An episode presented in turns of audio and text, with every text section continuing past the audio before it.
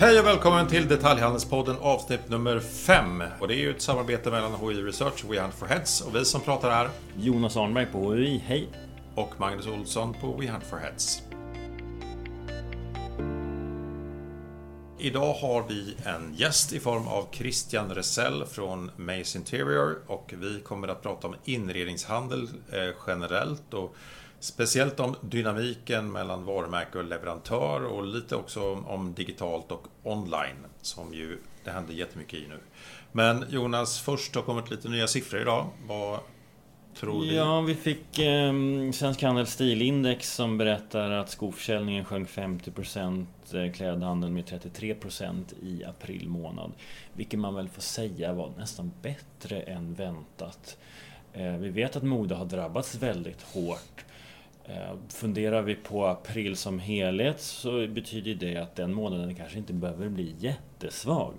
Alltså eftersom det går så himla bra för möbler, byggvaror, trädgård eh, så håller de sektorerna uppe försäljningen som helhet. Det här är såklart när man tittar på hela konsumtionen. Det, det, det, det spelar ju inte så stor roll om du är en modehandlare så har du ju ändå enorma problem. Ja.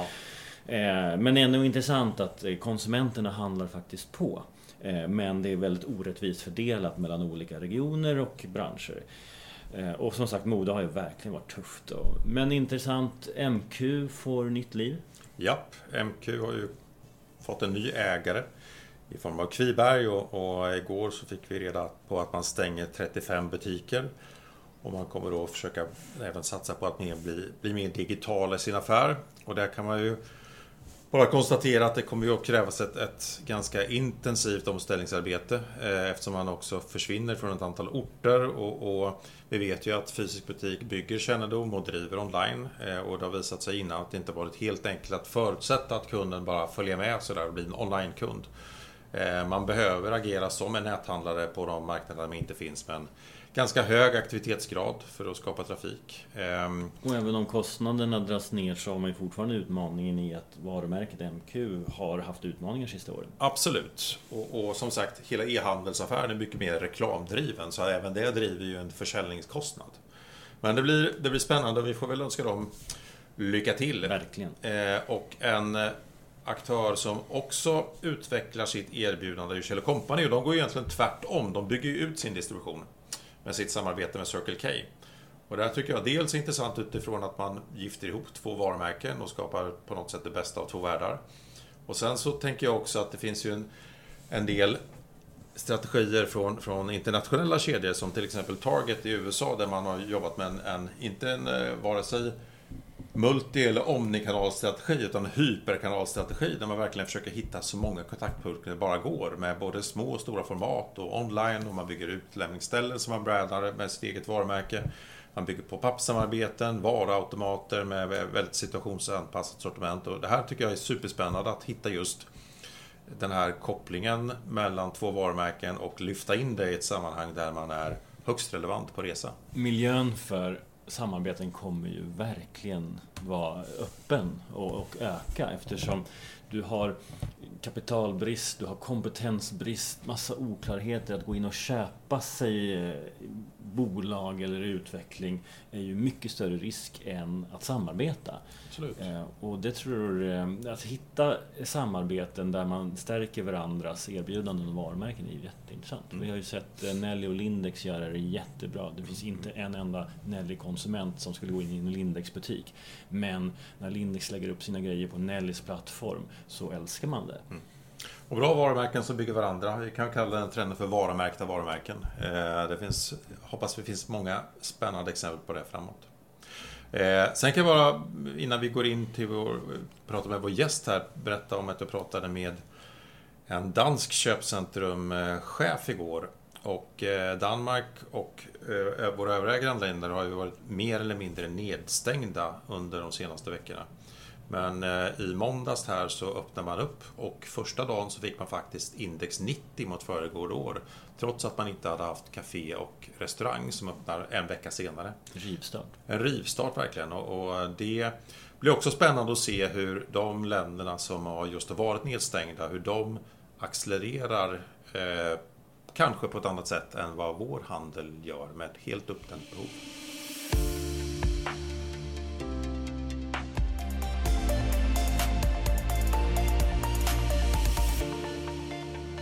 Hej Christian, väldigt välkommen hit. Tack.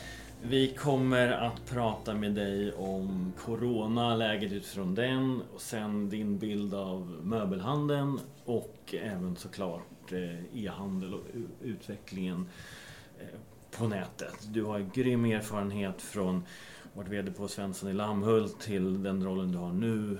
Varit med i Byggmax. Ehm, börja med att berätta lite om vem du är. Ja, eh, roligt. Eh, det är inte så ofta man får göra det.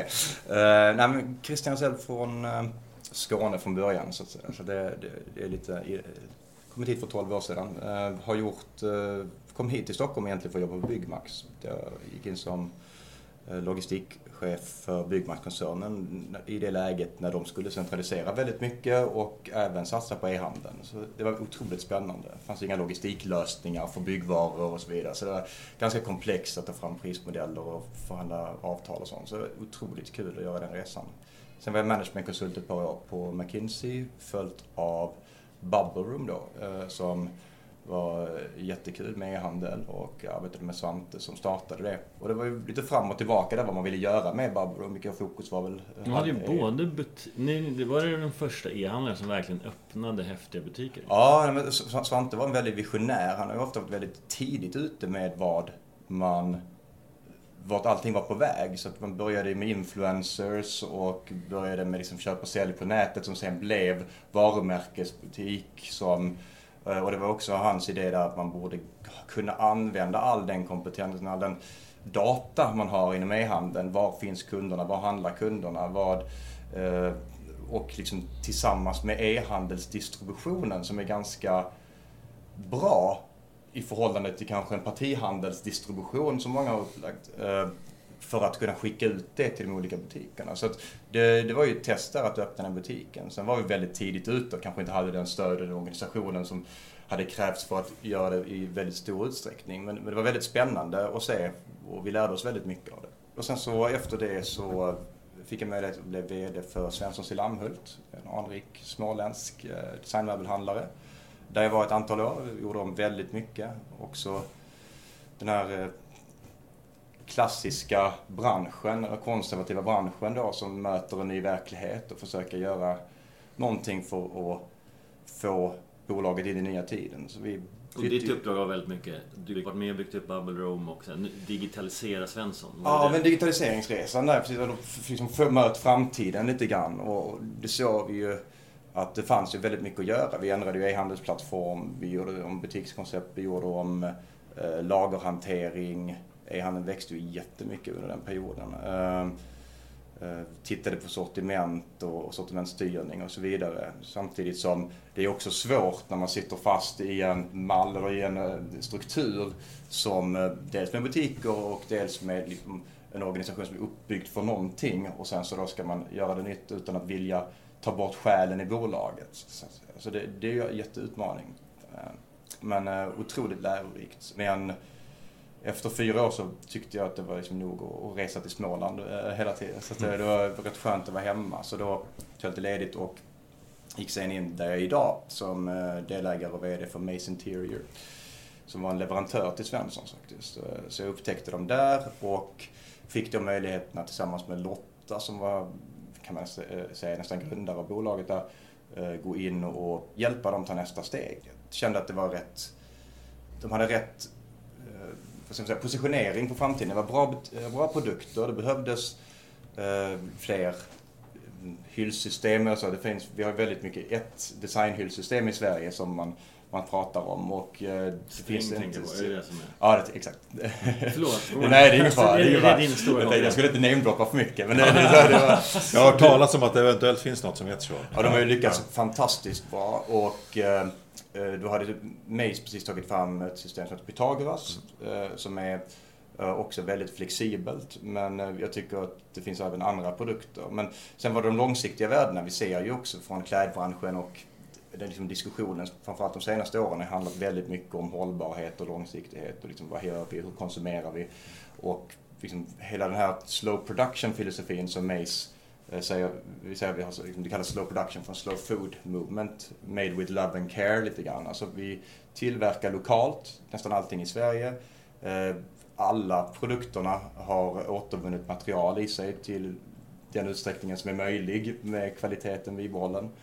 Eh, då räknar jag virke som återvunnet. Eh, och liksom schyssta villkor eh, och vi, vi försöker inte flygfrakta någonting utan det är liksom lastbilar som går eller sjöfrakt. Och kvalitet som varar. Både design och kvalitet som håller över tid. Så att man inte ska behöva byta ut om man inte känner att man vill av någon annan anledning. Det står ju, om man tittar på er hemsida så läser jag Slow production for a fast world. Ja. Ni, ni vill ta ställning i liksom medvetet Precis. på hela positioneringen? Det, det, har varit sen eh, Lotta kom in 2012 och då tog hon väldigt tidigt den att vi ska göra någonting som är, som är bra. Um, och Sen kan man ju säga så att konsumtion per definition är dåligt för det tar resurser. Men om man säger att vi har en sortimentsstrategi att endast tillverka saker som har en funktion med det förhållningssättet som slow production innebär. Och om man då kan välja vår produkt över en annan produkt som är tillverkad på ett sämre sätt eller med sämre material, då har vi ju ändå haft en nettopositiv effekt givet att folk antagligen kommer att handla för att täcka den funktionen de har ett behov av. Ja, och det är väl ett sätt för människor att göra sig hörda också, att visa sin köpkraft och då handla från dig till exempel. Ja, men, och ni är hyfsat premiumsegment men ändå ganska bra pris. Alltså utifrån det du berättar så låter det som att ni har väldigt bra pris.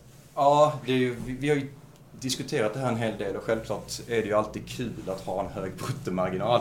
Eh, men med det förhållningssättet, med det produktionssättet så är det svårt att ha liksom låga priser, för det är det ju inte. Men vi vill ju ändå försöka ha en prisnivå som gör att en majoritet av befolkningen inte ska behöva tänka så mycket på att handla ansvarsfullt. Man ska kunna handla eh, om man behöver en produkt, en hatthylla eller en, ett sängbord så är det ofta någonting som håller över flera år eh, och då är det inte lika känsligt med priset. Men ändå hålla en prisnivå som är klart acceptabel för en majoritet.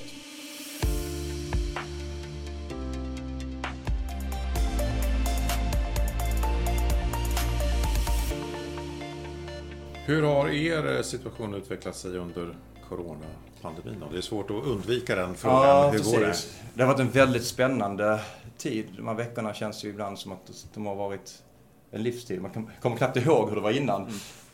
Nej, men det var väldigt intressant. Vi gjorde faktiskt rätt mycket förberedelser. Vi, när det kom i januari i, Kina och uh, liksom början av februari så tittade vi en extra gång. Vi har ju inte några försörjningsproblem direkt därifrån eftersom att vi har lokal produktion. Men eh, vi ringde ändå runt till leverantörerna och frågade liksom, hur ser det ut för er? Liksom, kommer ni påverkas ifall liksom, någonting händer?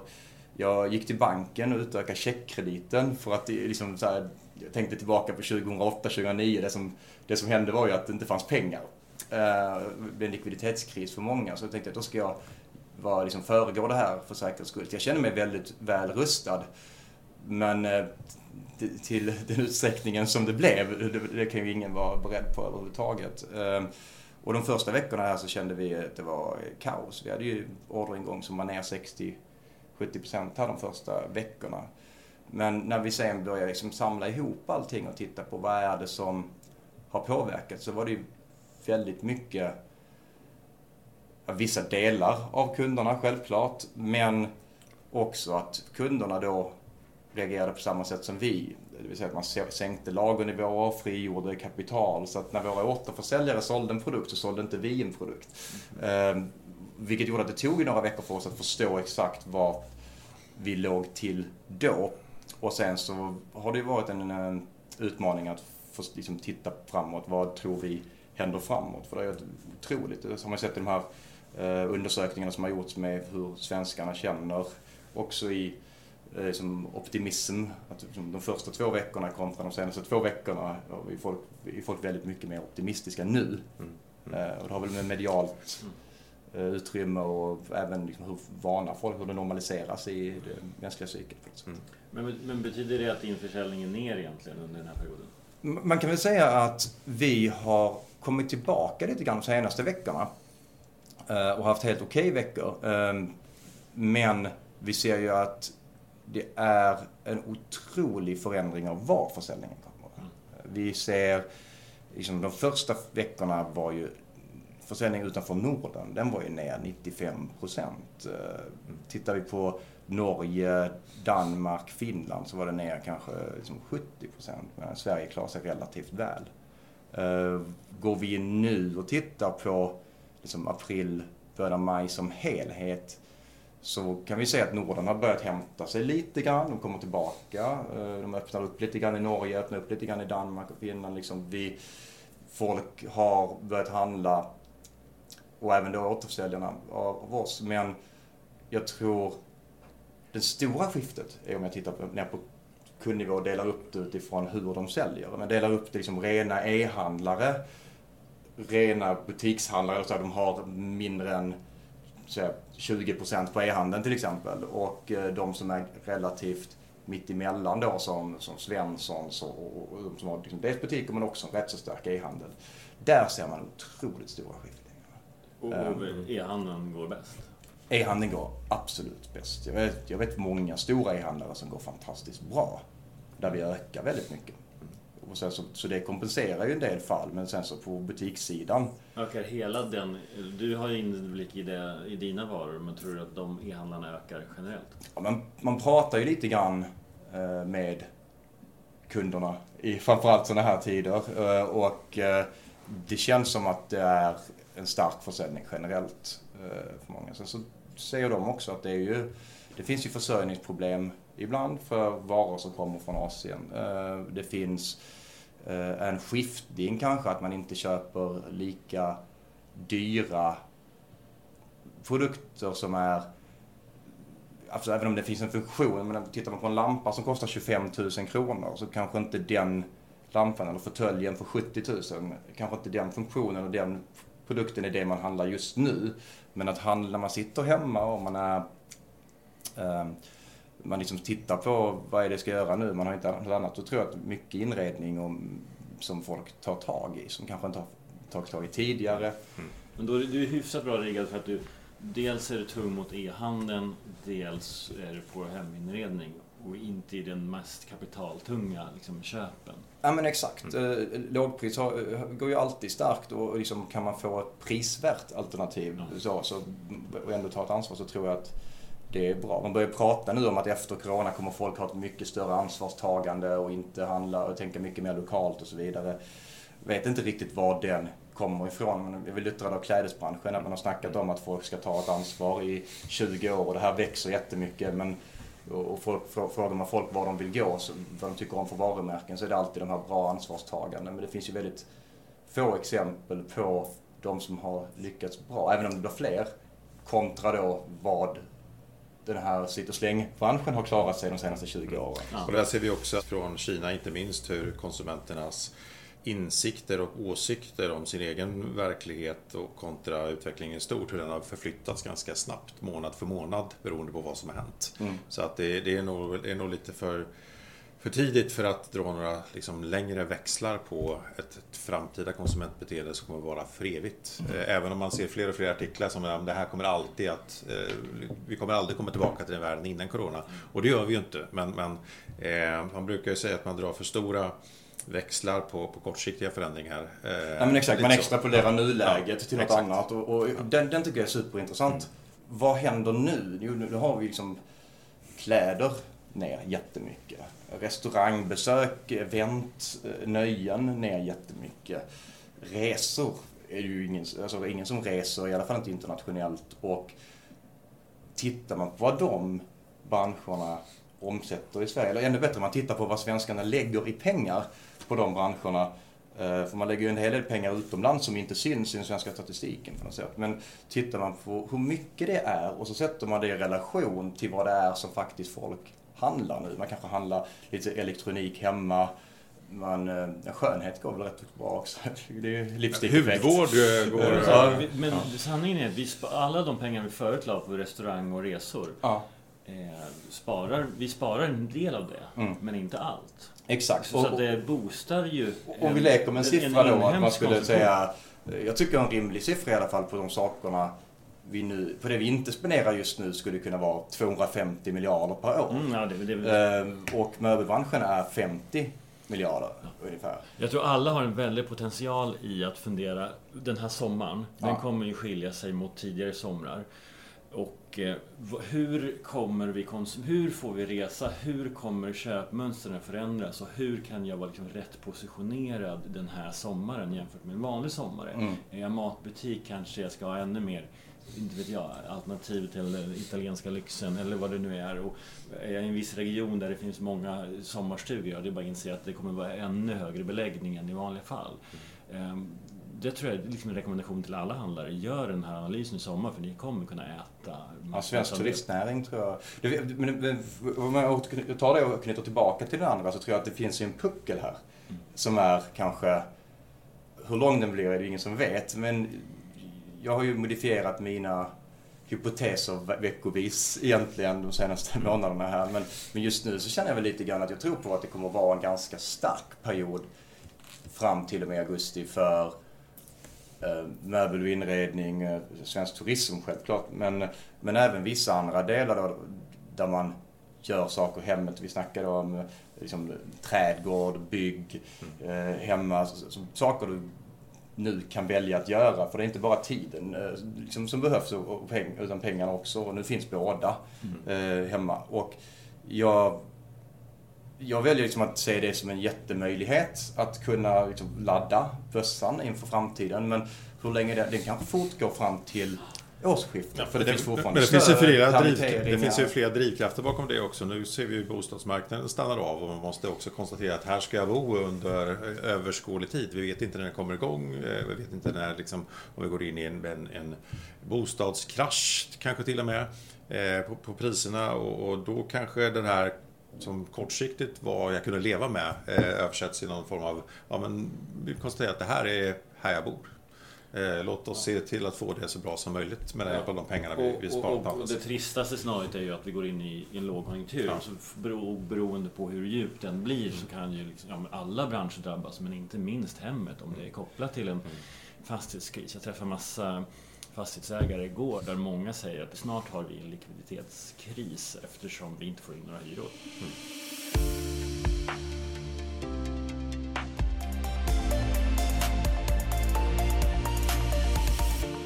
Vi har ju alla anledning att komma tillbaka till Retail Formas efter Corona och lite längre perspektiv. Men det finns ju också väldigt spännande drivkrafter inom själva branschen. Vi pratar möbelbransch eh, har vi nämnt, men egentligen så är det en inredningsbransch eh, där saker och ting har flutit ihop. För en gång i tiden så hade vi väldigt strikt uppdelad lamphandel, matthandel, möbelhandel och, och textil och så vidare. Och sen så först så inträffade en branschglidning som gjorde att IKEA var, var drivande i och sen så med alla heminredningsprogram på TV så blir det allt mer liksom modebaserat och trendbaserat. Nu är ni i en hållbarhetsposition inom branschen, men hur har marknaden förändrats? Om du tittar på konkurrenter och, och, och beteendet i stort. Precis. Jag, nu var det inte jättemånga år sedan jag kom in, men, men jag tycker man ser väldigt mycket likheter med andra branscher. Alltså, vi går från specialister till rätt så mycket liksom, generalister och konsoliderar marknaden. Det är, väl, det är väl det. Och sen så kan man ju säga att pris, alltså produktionsteknik och, och prisnivåer har ju förändrats. Förr i tiden när folk handlade någonting som skulle hålla i 20-30 år, då var det ganska dyrt, det var handgjort, det kost, alltså det var väldigt en stor investering i form, liksom i relation till sin disponibla inkomst.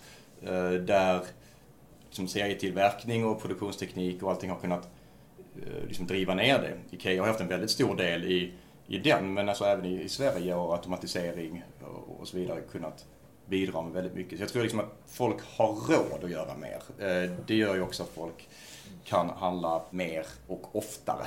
Tittar man på Mediamarkt, Elgiganten och sånt, de har ju tagit över från eh, liksom den här lokala teknikbutiken.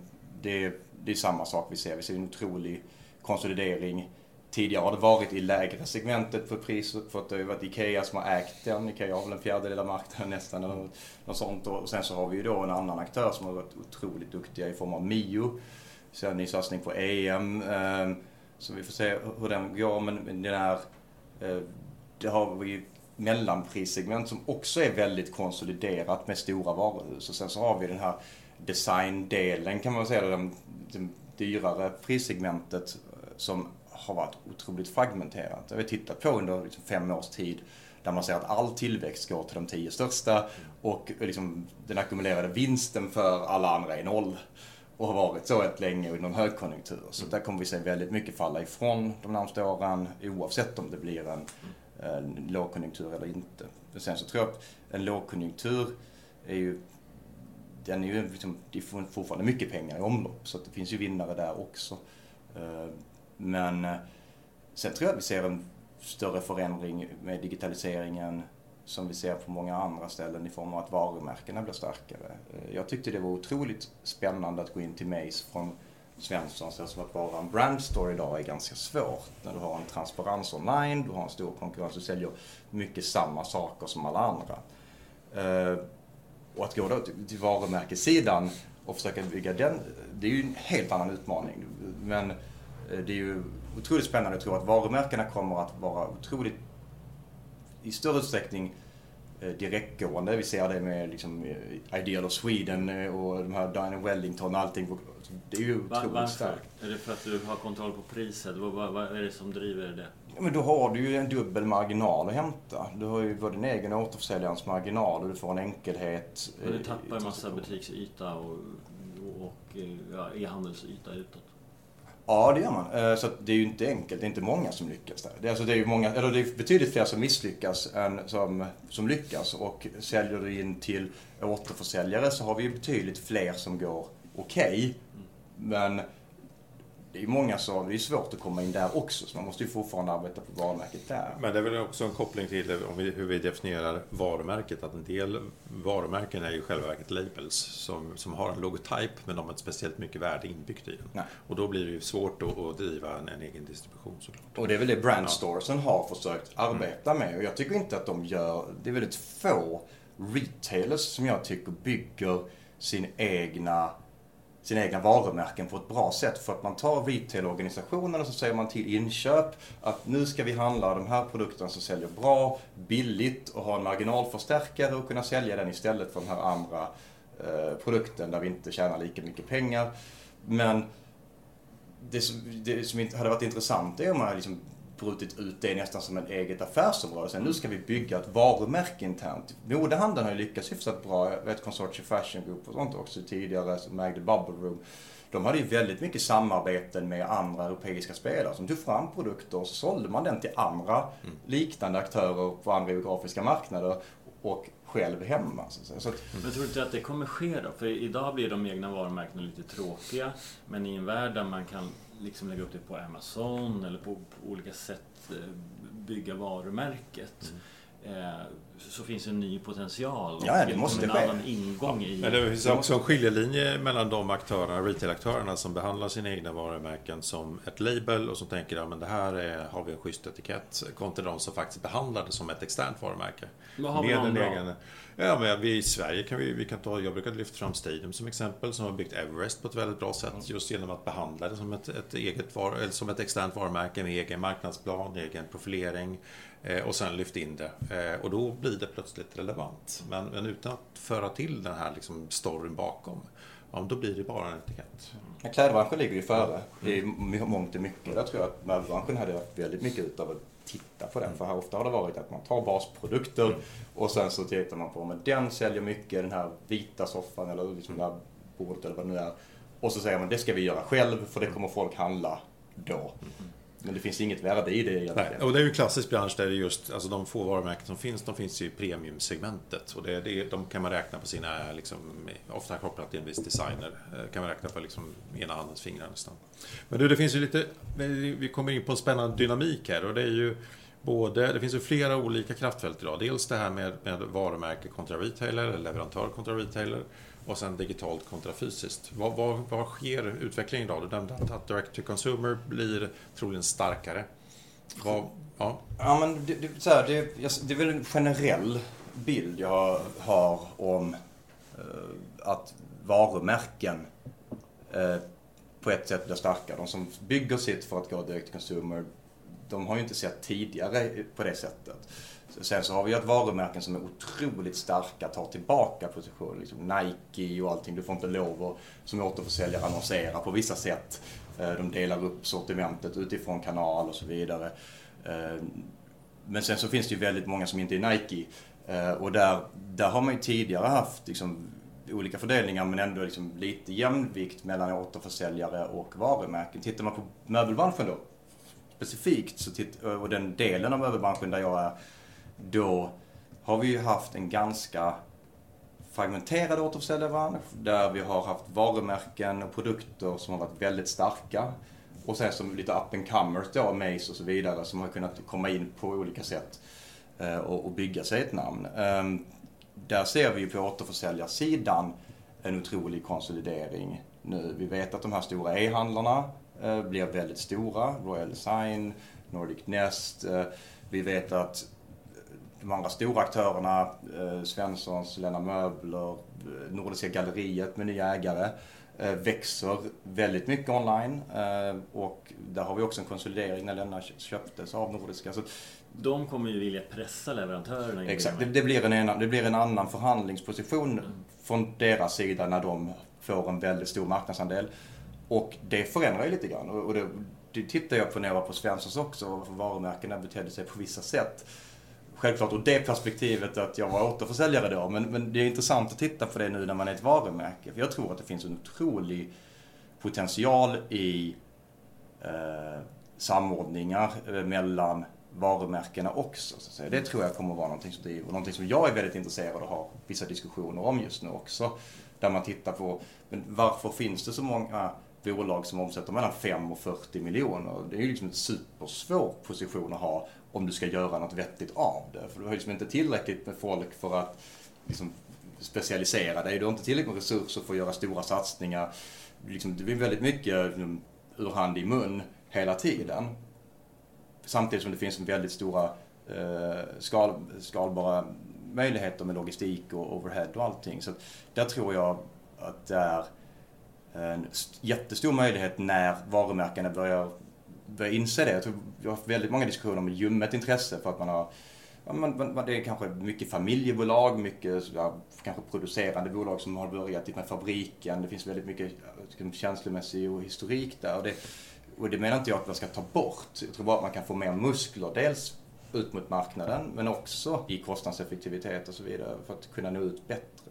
Det är ju, ett litet bolag drivs ju ofta av liksom i grunden en eller två människor som har någon slags, antingen har man en design eller så är man väldigt duktig på varumärkesbyggande eller så är man väldigt duktig på eh, jag vet inte, Microsoft Excel. Eh, nej så, man har ju någonting men om du omsätter 20-25 miljoner så är det väldigt svårt att ta in någon som är specialist på alla ställen. Men omsätter man 100, då är det ju väldigt intressant. Så att, eh, jag tror ju att det kommer att bli någon slags eh, förändring där för att möta dem, liksom möta dels framtiden med, med vad det innebär i, i konkurrens eh, och, och expansion men, men också för att kunna ha en viss eh, förhållningssätt mot återförsäljarna fortfarande. När det och, och en ökad digitalisering av branschen för väl branschen dit för att det kommer man inte klara av. Alla kommer inte kunna vara små och köra direct to consumer utan det kommer krävas att man är lite större för att orka kampanja och, och liksom så, så är det. Och, och att, att, köra direct to consumer kanske inte är ett självändamål heller för alla. Alltså det, det var ju lite grann på, jag tror väldigt mycket att konsument, konsumenten går dit de känner att det är relevant uh, att vara för att handla. Och jag menar, Mace Interiors hemsida där vi har, vad är det, 40 produkter, 150 SKU. Men är du intresserad av att köpa någonting till hallen,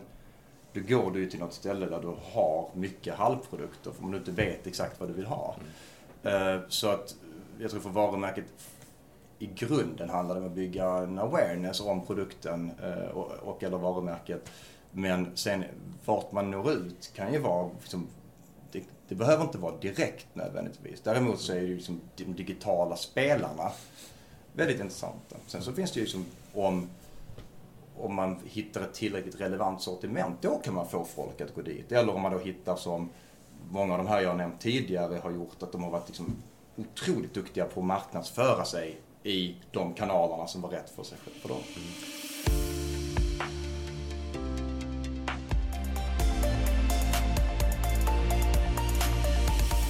Hur säkerställer man liksom att man både har en integritet som varumärke och samtidigt får så bred distribution som det bara går? Det är ju svårt när man är liten. Det, alltså, det, det är väl det som är det absolut svåraste. Vad är gränsen mellan att vara liten och, och mellanstor? Var... Ja, men så, Mace är liten, Nike är stor. Ja. Eh, det... det var ödmjukt sagt av dig, tycker jag. Ja, då, ja. Nej, men, men jag tror... Alltså, självklart är det ju alltid svårt att tacka nej till en affär. Och, och, och vi gör väl det... Försöker ju vara relativt stringenta med liksom... Vi har våra checklists på vad som är okej okay och vad som inte är okej okay och vad vi helst vill ha självklart. Så Sen så vill man ju alltid bara vara där man helst vill vara men där är vi ju inte riktigt. Utan det är, jag tror det handlar ju om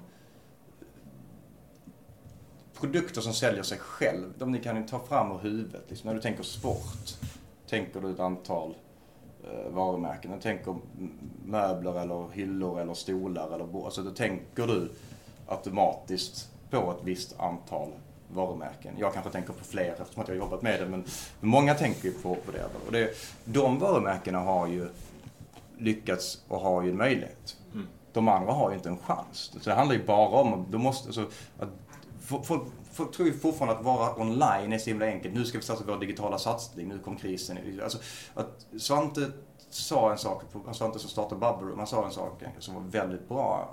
Eh, alltså många bra saker. Men det så att alla tror ju att man liksom, är man på nätet så är man på motorvägen, alltså alla kör förbi. Men egentligen så är man ju mitt ute i djungeln. Alltså så här, det, det, du måste göra är att bygga väg, sätta upp skyltar, eh, få folk att göra, liksom, göra det värt för folk att köra hela vägen ut i djungeln för att handla av dig. Eh, och den, liksom nu 15 år efter, liksom 20 år efter att det han började, nästan tog det känns som att fortfarande retailers är där att nej, men vi ska bara gå online och det kommer lösa sig. Men jag tror ju inte att om man är en brandstore eller ett varumärke utan kännedom att smälla upp en hemsida och börja Google-annonsera ger ingenting. Alltså, så ska jag, varför ska jag Google-annonsera till min hemsida på Mace Interior-produkter när jag inte har alls samma relevans som en av mina återförsäljare. Inte har liksom i form av Google-ranking, så det blir dyrare för mig att annonsera. Jag konkurrerar med alla mina kunder om utrymmet och så vidare. Så jag måste hitta något annat sätt varför folk ska vilja gå till mig i så fall. Har jag inte den, då kan jag inte gå direkt till consumer.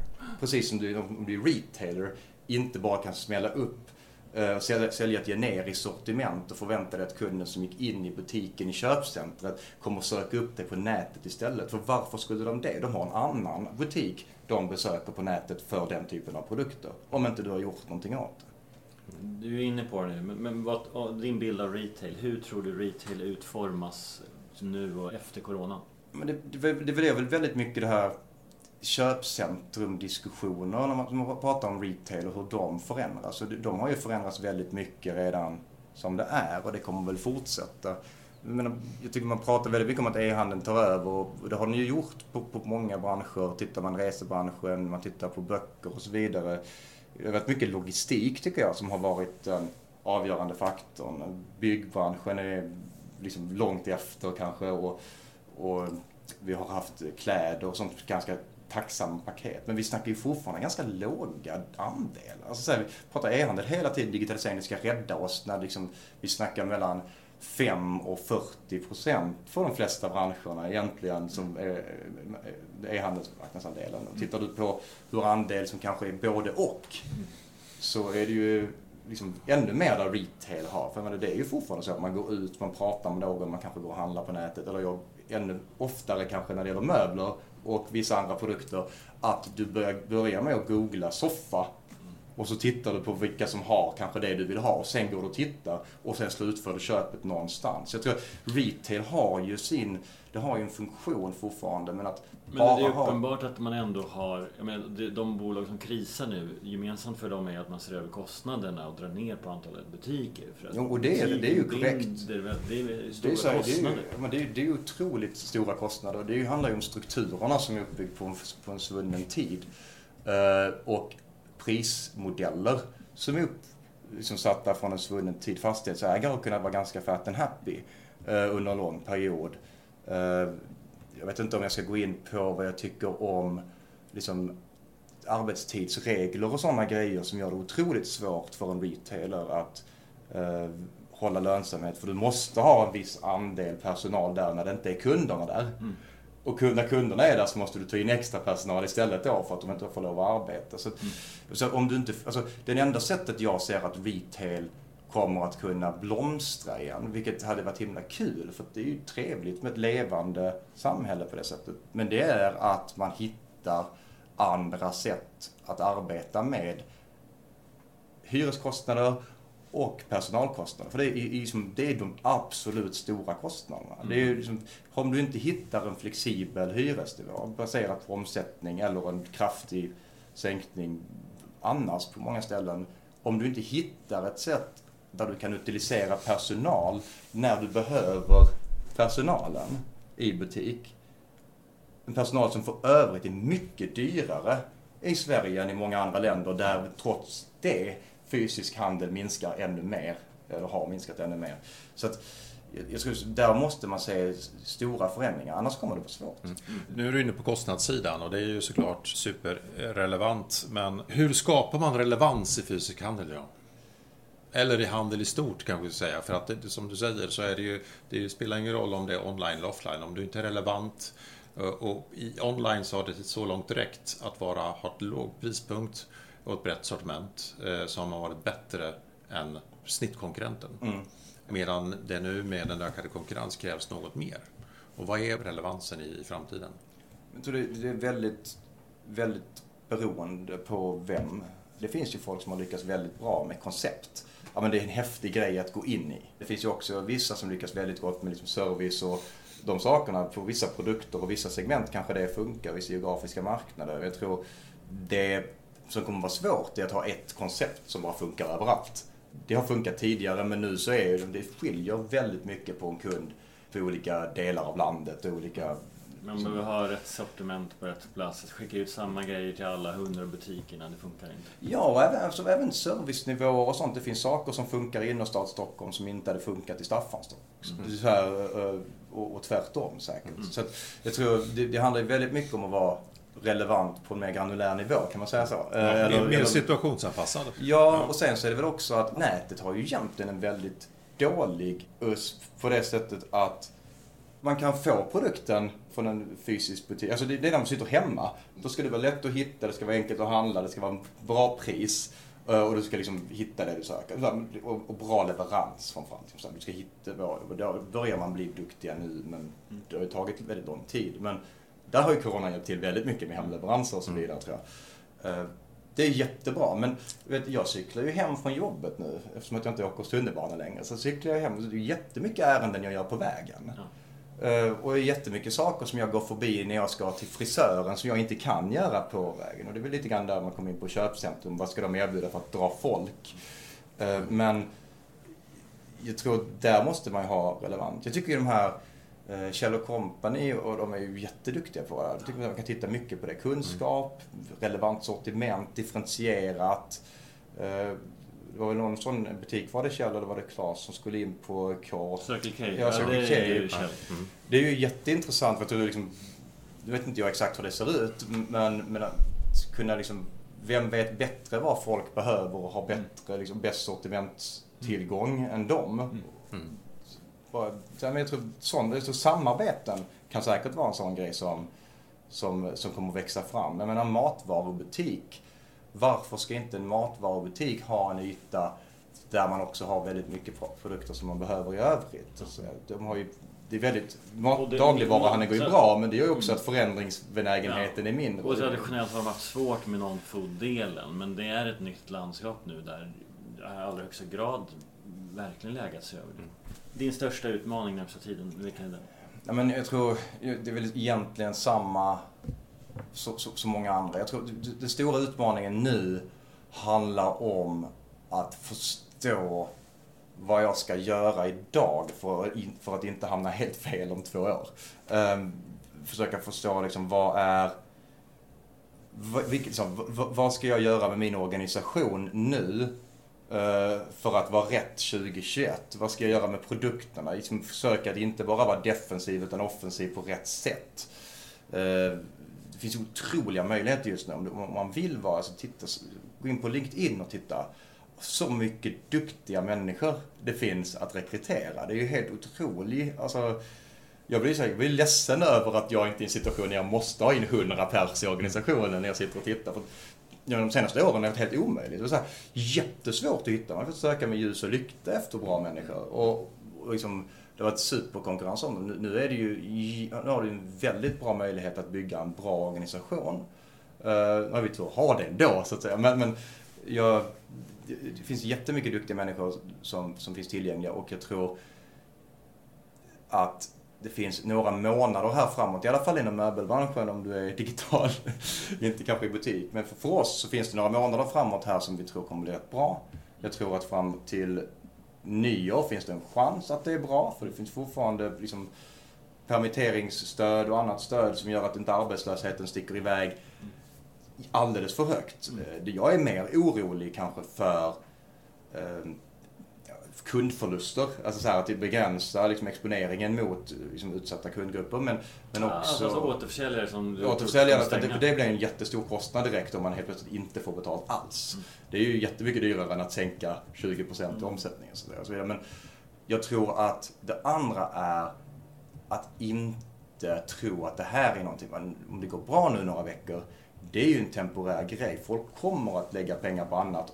Eller får minskade pengar. Men det kommer inte hända på väldigt länge. Så min oro handlar nu mer om slutet av året och Q1 just nu och hur vi ska gå framåt på liksom hur vår två treårsplan ser ut. Mm. Jättetack för att du tog dig tid att komma och prata med oss idag. Ja, tack. Kul att vara här. Mm. Tack så himla mycket.